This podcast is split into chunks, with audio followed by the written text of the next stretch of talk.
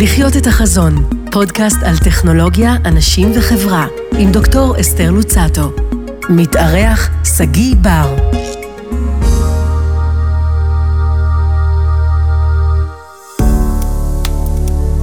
שלום לכם, אתם מאזינים לעונה שנייה של לחיות את החזון, איתי דוקטור אתי לוצטו, כאן ברדיוס 100 FM. מדי שבוע אנו מדברים בפודקאסט על חדשנות טכנולוגית ועל אנשים שעומדים מאחורי המיזמים הגדולים שמשפיעים על החברה ומשנים את חיינו. אתם יכולים להאזין לנו במגוון פלטפורמות, באפליקציה, באתר, בספוטיפיי, באפל פודקאסט ובגוגל פודקאסט של רדיוס 100 FM. והפעם אני מארחת את אה, שגיא בר. אה, ששגיא, את המנכ"ל אה, לחינוך סייבר של קרן רש"י. אה, למאזינים, קרן רש"י זה אחת הקרנות הגדולות בישראל, שנוסדה ב-84. נכון. על ידי לבן הצרפתי. גילוי, אני חברת, יושב ראש הוועד המנהל של עמותת יחדיו, שהיא אחת מ... העמותות, במסגרת שמונה עמותות שכפופות לקרן רש"י, אז אני מכירה את אה, קרן רש"י היטב, הרבה מאוד שנים. ואכן, הקרן הזאת עושה בישראל פעילות רחבת היקף, אה, ונוגעת בעצם אה, בפריסה ארצית מלאה מהצפון הרחוק ועד אילת, פעילות שבאמת משנה את החברה במידה מסוימת. אז בוא תספר לנו אה, מה תפקידך בקרן רש"י ומה בעצם, לאן הפנים שלנו. אז בוקר טוב, שלום לכולם. אה, המרכז לחינוך סייבר, אותו אני מנהל, אה, היא עמותה שמטרתה לתת הזדמנות לילדים. לתת לי הזדמנות לילדים שנולדו בפריפריה. במסגרת עמותה זה. במסגרת העמותה הזאת. הזדמנות חינוכית, הזדמנות להיות רלוונטיים לעולם הזה, או הזדמנות להיות רלוונטיים למקום המשתנה הזה ולקצב השינוי הנורא גדול, למיוניות שנדרשות בעולם הזה. אנחנו עושים את זה דרך חינוך, דרך טכנולוגיה ודרך הקניית אה, מיומנות המאה ה-21. זה פריסה ארצית אתם נמצאים? התוכנית היא בפריסה ארצית, ממש מתל חי ועד אילת, אה, בעיקר בפריפריה הגיאוגרפית, אבל גם החברתית. לילדים באיזה גילאים? התוכנית היא מכיתה ח' עד כיתה אה, י"ב, שיש בה מגוון של תוכניות מתוכניות שונות, שנותנות מענים שונים לילדים שונים. מה זה אומר שבסופו של יום אתם נותנים להם כלים אה, כדי שלמשל, חוץ מזה שהם כלים נניח טכנולוגיים, הם יוכלו להתגייס ליחידות הטכנולוגיות בצה"ל, בתקשוב, במודיעין, 8200 וכן הלאה? המדד הצלחה הכי משמעותי שלנו זה כמה ילדים באמת התגייסו ליחידות הטכנולוגיה של הצבא. תקשוב, אמ"ן, כמו שאמרת. ומה הסטטיסטיקה אומרת? הסטטיסטיקה מדברת על 67 אה, אחוז מבין בוגרי התוכניות בתיכון, שמגיעים ליחידות הסייבר והטכנולוגיה של הצבא. אה, עוד 20 אחוז מגיעים להיות קרביים, וצה"ל, אה, וגם אנחנו חושבים שזה נפלא, שחיילים קרביים מבינים באמת טכנולוגיה. וכל השאר מגיעים ליחידות המודיעין השונות שאינם טכנולוגיה. זאת אומרת ש... שמה ההצלחה נניח, אם ההצלחה נמדדת בגיוס ליחידות נניח, אה, או טכנולוגיות או קרביות, כמה אחוז מהילדים האלה? זה מגיע ל-93 אחוז. וואו. ו-7 אחוז מגיעים לתפקידים אה, שהם לא אלה שתיארת. בבאר שבע, נדמה לי שבשנה הבאה ייפתח בית ספר למקצועות המודיעין, שקרן רש"י בנתה את הקריה הזאתי, של מאות אה, ילדים. אה, העמותה שלך, איך שהיא קשורה לזה? הקריה אמורה לשרת את הצבא בעיקר. לא, בת... זה מקצוע, תיכון. שאחר כך הבוגרים, כדי לשפר את ה... הרי התמונה היום היא עגומה במובן שמרבית אלה שמתגייסים אה, ליחידות הטכנולוגיות, נניח ל-8200, מרביתם באים מהמרכז החזק ובאחוזים בודדים מהפריפריה. ואת זה מנסים לשנות. אז... אני חושב שזה מה שהתוכניות שהמרכז לחינוך סייבר עוסק, עושה, כבר שנים, המספרים האלה משנים. בתוך 8200 הגדולה, אם נסתכל רק על הסייבר, שזה חלק, זה לא הכל. אבל 35 אחוז מהסייבר ב-8200 מגיע מהפריפריה. מהלך של אה, למעלה מעשור. כשבדקנו את זה לראשונה, בימים שעוד הייתי בתוך 8200, רק שלושה אחוז הגיעו לסייבר של 8200 בפריפריה. מה שהתהליך עשה, התוכניות עשו בשנים האחרונות, תוכנית כמו מגשימים, תוכנית כמו ממריאות, שזה התוכניות שאנחנו מקדמים. הם אלה עשו את השינוי הזה, והרבה יותר בני נוער מגיעים למקום הספציפי הזה. האם זה פתר את כל צה"ל? לא, יש עוד דרך ארוכה, אבל לא, הראינו שאפשר, במאמץ מאוד מרוכז של צה"ל הוא שותף משמעותי למימון, לעשייה, ביחד עם קרן אה, אזרחית, אפשר, אפשר לייצר את השינוי הזה, זה לא, זה לא חוק עולם שאי אפשר אה, לשבור אותו. זאת אומרת שלפי אחוזי ההצלחה המרשימים האלה, אה, מדינת ישראל הייתה צריכה לאמץ את העמותה הזאת שלך ולשכפל אותה, ולעשות כדי שזה יגיע לממדים הרבה יותר גדולים. אז יש מקומות שהמדינה עשתה את זה, ומערך הסייבר הלאומי כבר לפני שבע שנים הכיר בנו, ב-2017, הכיר בנו בתור מוקד הידע הלאומי שלו, ואנחנו ממשיכים לפתח עוד תוכניות. ש... מי עומד במרכז הסייבר הלאומי?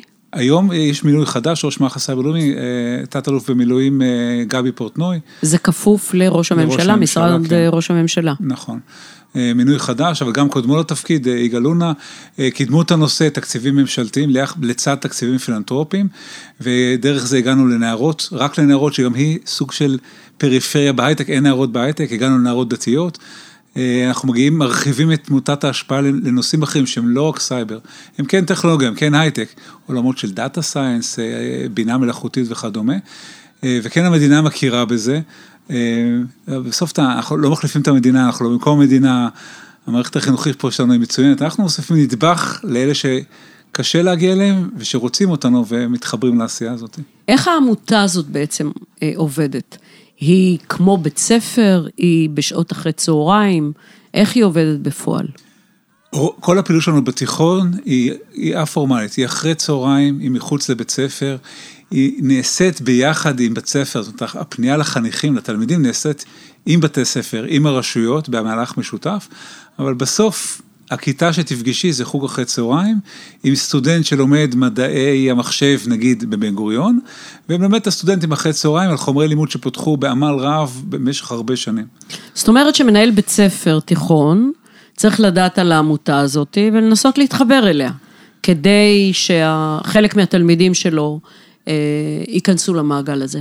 זה נכון, אני אגיד שאנחנו מאוד אקטיביים ביחד עם הרשויות, אנחנו בשיח הדוק עם ראשי הערים וראשי אגפי חינוך, כדי לוודא שכולם מכירים. זה ילד שיש לו הזדמנות, גם אם מנהל הבית ספר שלו פספס את ההזדמנות, אז שהילדים ידעו שיש הזדמנות.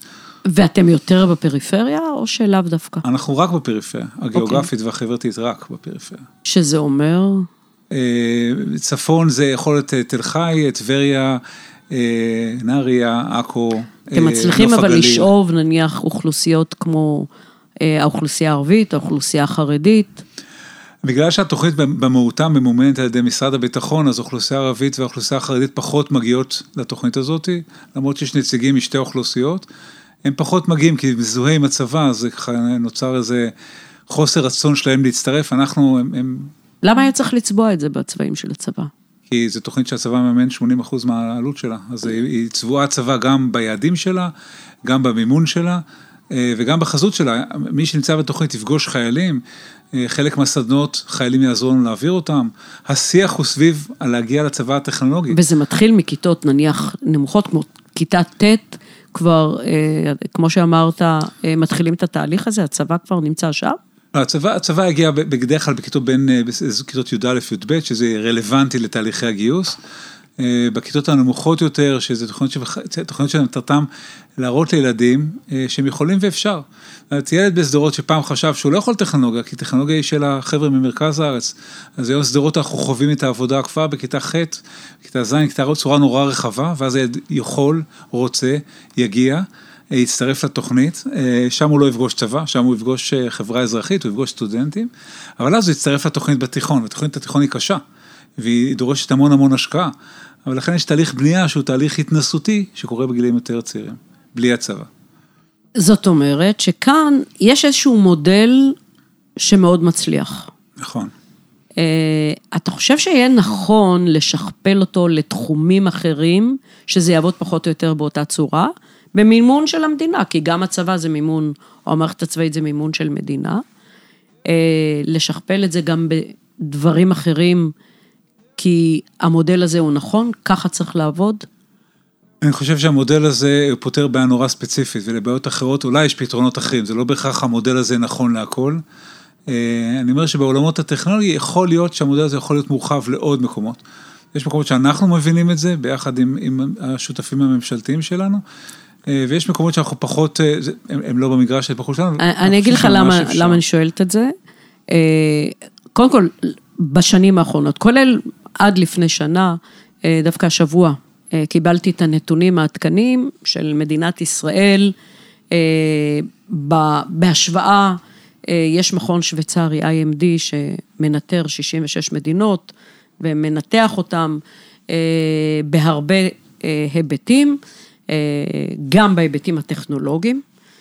אה, ואתה רואה שאנחנו בהרבה פרמטרים, אנחנו באמצע ואפילו מתחת, בהרבה מאוד פרמטרים.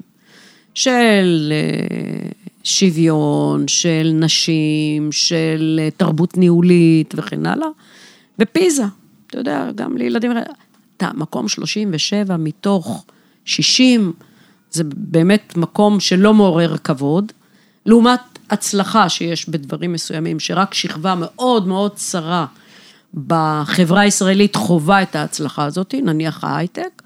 אתה רואה, בהרבה דברים, מדינת ישראל, שנקשור את זה לחברתיים, וכתוצאה מזה, אה, אה, דרך זה אפשר לראות את התמונה, אה, היא תמונה, אני חושבת שהיא לא מחמיאה לחברה הישראלית. אבל אם יש מודלים כאלה, שמתחילים לעבוד איתם מהתיכון, וכי עובדים נכון, זה מראה הצלחה, אז אפשר לשכפל את זה למקומות אחרים. אני חושב שרמת המודל, מה שהיא הוכיחה, ואני מאוד מסכים איתך, היא שהמשוואה שאומרת, תגיד לי איפה נולד לך כילד, ואני אגיד לך מה המשכורת שלך ושל הוריך בעתיד, היא משכורת, היא, היא משוואה שהתוכנית הזאת שברה. כי גם ילדים שנולדו במקומות שהמשכורת של ההורים שלהם גבוהה, הצליחו להגיע ל-8200 והמשכורת שלהם מאוד גבוהה, תהיה בעתיד. ולכן יש פה, יש פה פיצוח שהוא משמעותי, הוא פיצוח שגיא, ה- ה- מה. שציינת כרגע, הוא מפחיד. במובן של תגיד לי איפה נולדת ולאיזה הורים ומה תהיה המשכורת של... אני גדלתי בשנות ה-70, כשמדינת ישראל הייתה בין המדינות השוויוניות במ- במדינות המערביות. זאת אומרת שגדלתי, גדלתי בבאר שבע, בשכונה ד', אה, שאם היום הייתי, ובדור אחד זה השתנה בצורה קיצונית דרמטית. זאת אומרת, זה לא היה. זה לא, העניין הזה של שוויון הזדמנויות ואפשרות להשיג כמעט, אם אתה, יש לך את הנתונים האישיים ואתה יכול, אה, יכולת להגיע ולפרוץ כל דבר ולהגיע לכל מקום. ובדור אחד, הילדים שלי כבר חיים מציאות אחרת. זאת אומרת, משהו חולה מאוד בחברה הישראלית, קורה, והוא לא איזשהו תהליך, נניח באירופה, אז אתה רואה שיש היררכיה עם השנים, עם ה... או במדינות אחרות. פה זה קרה בדור, והוא אינדיקציה לחברה חולה. אז אני אומר שאנחנו רואים את זה אפילו במהלך של שנתיים, מה שקרה בקורונה, החזקים להיות יותר חזקים, יוניקורנים, הייטקיסטים, אי אפשר לקנות דירה בתל אביב, כי המחירים עלו בזכות אותם מיל- מיליונרים חדשים ובעשרות אלפים, והפריפריה אה, אין מחשבים ואין אינטרנט. אה, ולא שולחים את הילדים לחוגים אחרי צהריים כי אין כסף, והאבטלה נורא גבוהה, הפערים הולכים וגדלים, השנתיים האחרונות יהיו רק אינדיקציה מאוד כואבת למה שאת אומרת. החברה הישראלית שלנו היא קרועה, היא קרועה במתח שבין העשירים וה- והחזקים והחלשים בה, ומה שאנחנו מנסים לעשות זה להגיד, לנסות לעשות קצת תיקון עולם. במקום הקטן שלנו, בעולם החינוכי, כי חינוך בעיניי הוא, הוא הכל, כי חינוך הוא לא מאפשר... קטן, אה, הוא לא קטן כי אתה בא משני זרועות מאוד אה, רציניות. אה, הזרוע הביטחונית, הזרוע של החינוך, הם שתי זרועות, אולי שני המשרדים עם המשאבים הכי גדולים שיש במדינה. והם צריכים להיכנס לתמונה הזאתי של לעצב את החברה בצורה בריאה יותר. אומרת, וכאן אני שוב חוזרת תמיד. זאת אומרת, יש מודלים שעובדים ועובדים נכון מכל הכיוונים. זאת אומרת, זאת הדרך לטפל כשצריך באמת לחבר את זרועות הביטחון עם זרועות החינוך, שהם צריכים לקחת לעצמם את האחריות, לבוא ולהגיד, תשמעו, אנחנו צריכים להתחיל לא רק בצבא, או אה, מה שלא נוגע לחינוך פיור, אני לא מסתכל ולא... אני צריך להימצא שם כדי לתת את הפתרונות האלה. המהלך של החודשים האחרונים הוא מהלך ש, של, של המרכז לחינוך סייבר ביחד עם יחידה 8200 וביחד עם חיל חינוך, כדי לקחת את זה צעד קדימה.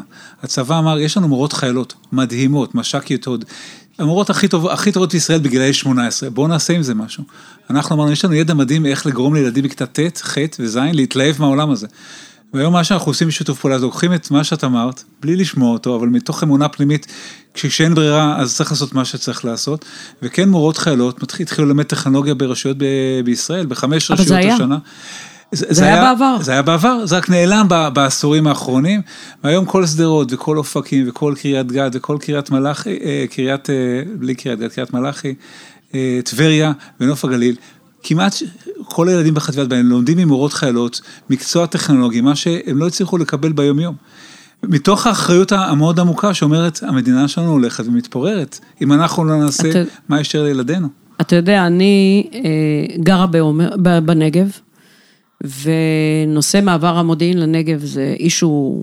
היום אנחנו כבר במקום אחר, אבל ניהלנו מאבק אה, קשה מאוד, מאוד קשוח, כשבשלב מסוים כמעט הפרויקט הזה אה, מבחינת הנגב אה, ירד לטמיון. והתמונה, אני חושבת, אולי המאכזבת ביותר, שמי שניסה למנוע זה הקצונה הבכירה של המודיעין. אומרת, וכאן הביקורת הקשה. זאת אומרת, כאן אני לא בטוחה שמי שצריך לקחת אחריות על החברה שלנו, הוא לוקח אותה.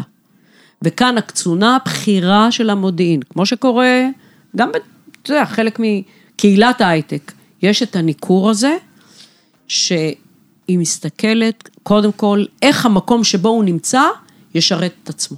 איך זה ישרת את אלה שנמצאים שם. וזה אח- אחד מהחולאים הגדולים ביותר, שלפחות אני רואה, כי אני גם באה מעולמות ההייטק. אני פוגש קצונה בכורה, שכל מה שהיא דואגת לו זה על החברה בישראל.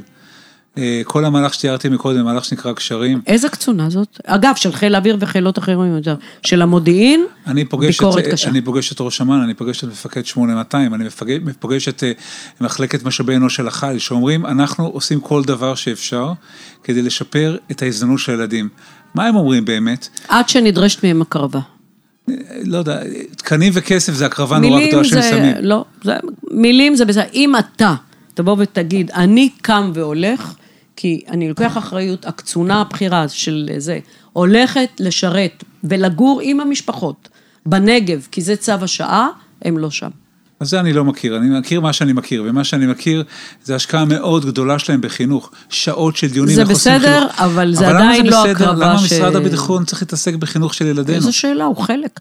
זו מדינה כמעט החינוך, בתוך מדינה. אבל זה יש משרד החינוך. יש ש- משאבים, ש- לא, אני לא, זה המנדט הוא בדיוק. שלו של משרד, מדינת ישראל נתנה מנדט חד משמעי זה למשרד בדיוק החינוך. להתעסק הנקודה בחינוך. שבה כל אחד מאיתנו צריך לבוא ולהגיד, מעבר לעולם הקטן שאני חי, אני מחויב לחברה ואני מוכן לשלם מחירים. אז עם כל הכבוד, והמספרים מראים שמקבלים הרבה מהמדינה. כל אחד מהם. המספרים הם דרמטיים, הם מקבלים הרבה. הם מקבלים משכורת גבוהה, הם מקבלים פי פנסיה, פי ארבע מעובדי חינוך ועובדי אה, בריאות, הם מקבלים תארים, הם מקבלים וילות. וכל מה שנשאר, שבגיל, עד גיל 45, עם המדינה שנותנת להם הרבה מאוד, שהם ישרתו במקום שהוא לא כל כך נוח. לקחתי למקום שלו, אני לא מכיר אותו ולא מבין אותו. אני אז מכיר- אני, אז אני אומרת, הצבא, מההיתקלות אני שלי והניסיון. שלי... אני ו- רואה תמונת עולם אחרת לחלוטין ממה שאת חווה. גם, גם כאן אני פנסיונר של הצבא וגם אני נמצא בפנסיה, גם זה, ל- יש לומר, גילוי נאות, אני שמה לגמרי. אה, גם כי אני עובד צמוד בשבע שנים האחרונות, אנשים שיוצאים באמצע מבצע, באמצע המבצע, שומר חומ- חומות, ועוצרים את הכל כדי לעשות פעולה חינוכית, כי אומרים, גם זה חשוב. אה, את יכולה להגיד, זה חובתם. זאת לא, זו לא חובתם. זה לא דבר דרמטי, שבזה נבחן העניין.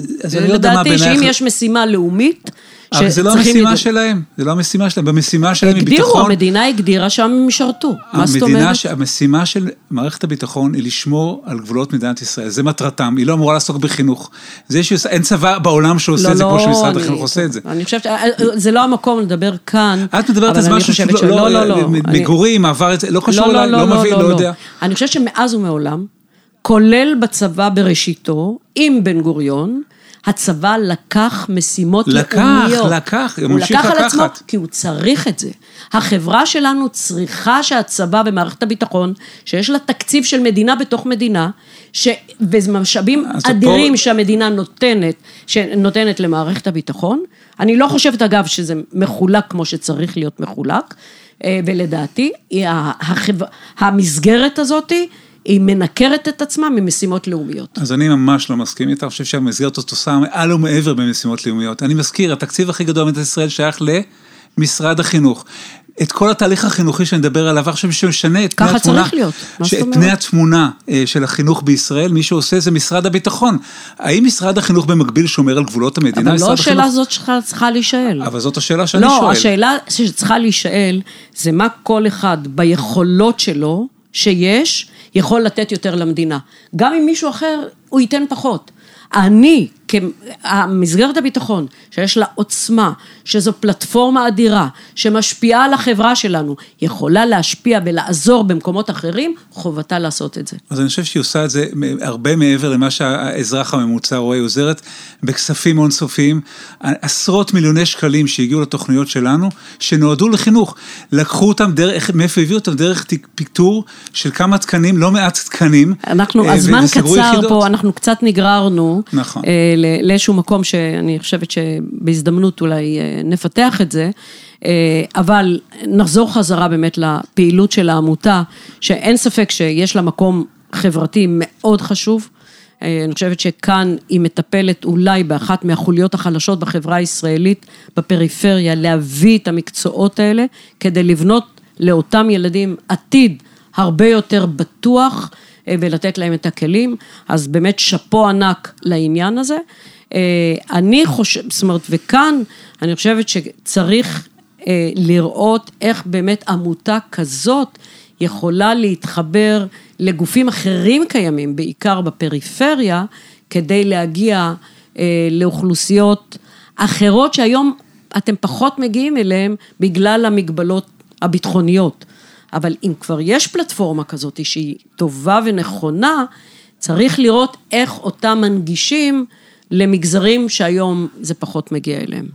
יש שתי מקומות שאולי חשוב לציין, אחד זה החיבוריות למשרדי ממשלה אחרים, כדי לייצר את ההשפעה הרחבה יותר. למשל הרשות לפיתוח הגליל או הרשות לפיתוח הנגב, שאנחנו בשיח איתם כדי להגיע לאותן אוכלוסיות שנמצאות פחות וזקוקות לזה לא פחות, פעם אחת. פעם שנייה, להסתכל על תעשיית ההייטק, שבסוף הידע, החוכמה, הצורך, הצורך שלהם באמת, או הרצון שלנו כאזרחים שההייטק יחזיר למדינת ישראל, כל זה. מאפשר לייצר חיבורים שמאפשרים להגיע ליותר ילדים, אה, פוטנציאלית, קדימה. אז זה חיבורים שלפחות אותם אנחנו אה, מאוד מאמינים אה, כארגון שנכון לקדם, לעשות ולהרחיב אותם. אז קודם כל, אני חושבת שבאמת הפעילות הזאת היא חשובה, היא נכונה, ואני חושבת שזאת הפלטפורמה הזאת של קרן רש"י, היא רק מצדיקה את הפעילות שלה, שהיא עושה את זה כל כך הרבה שנים.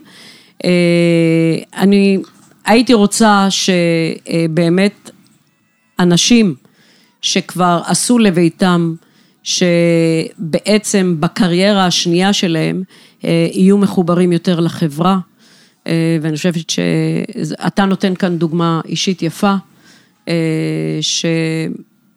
אתה נוגע אה, באולי, בדבר החשוב ביותר, זה טיפול בילדים, באוכלוסיות המוחלשות. אז שמחתי, שמחתי מאוד לארח אותך, ומכאן אה, אני רוצה להודות למאזינים. תודה לכם שהאזנתם לנו, מוזמנים להאזין לפרקים הנוספים של לחיות את החזון במגוון הפלטפורמות, באפליקציה, באתר, בספוטיפיי, באפל פודקאסט ובגוגל פודקאסט של רדיוס 100 FM. אנחנו מעדכנים בפייסבוק, באינסטגרם של רדיוס 100 FM כשעולה פרק חדש, אז אתם מוזמנים לעקוב. תודה לצוות שלנו כאן באולפן, אני דוקטור אתי לוצטו, נשתמע בפרק הבא של לחיות את החזון. תודה רבה.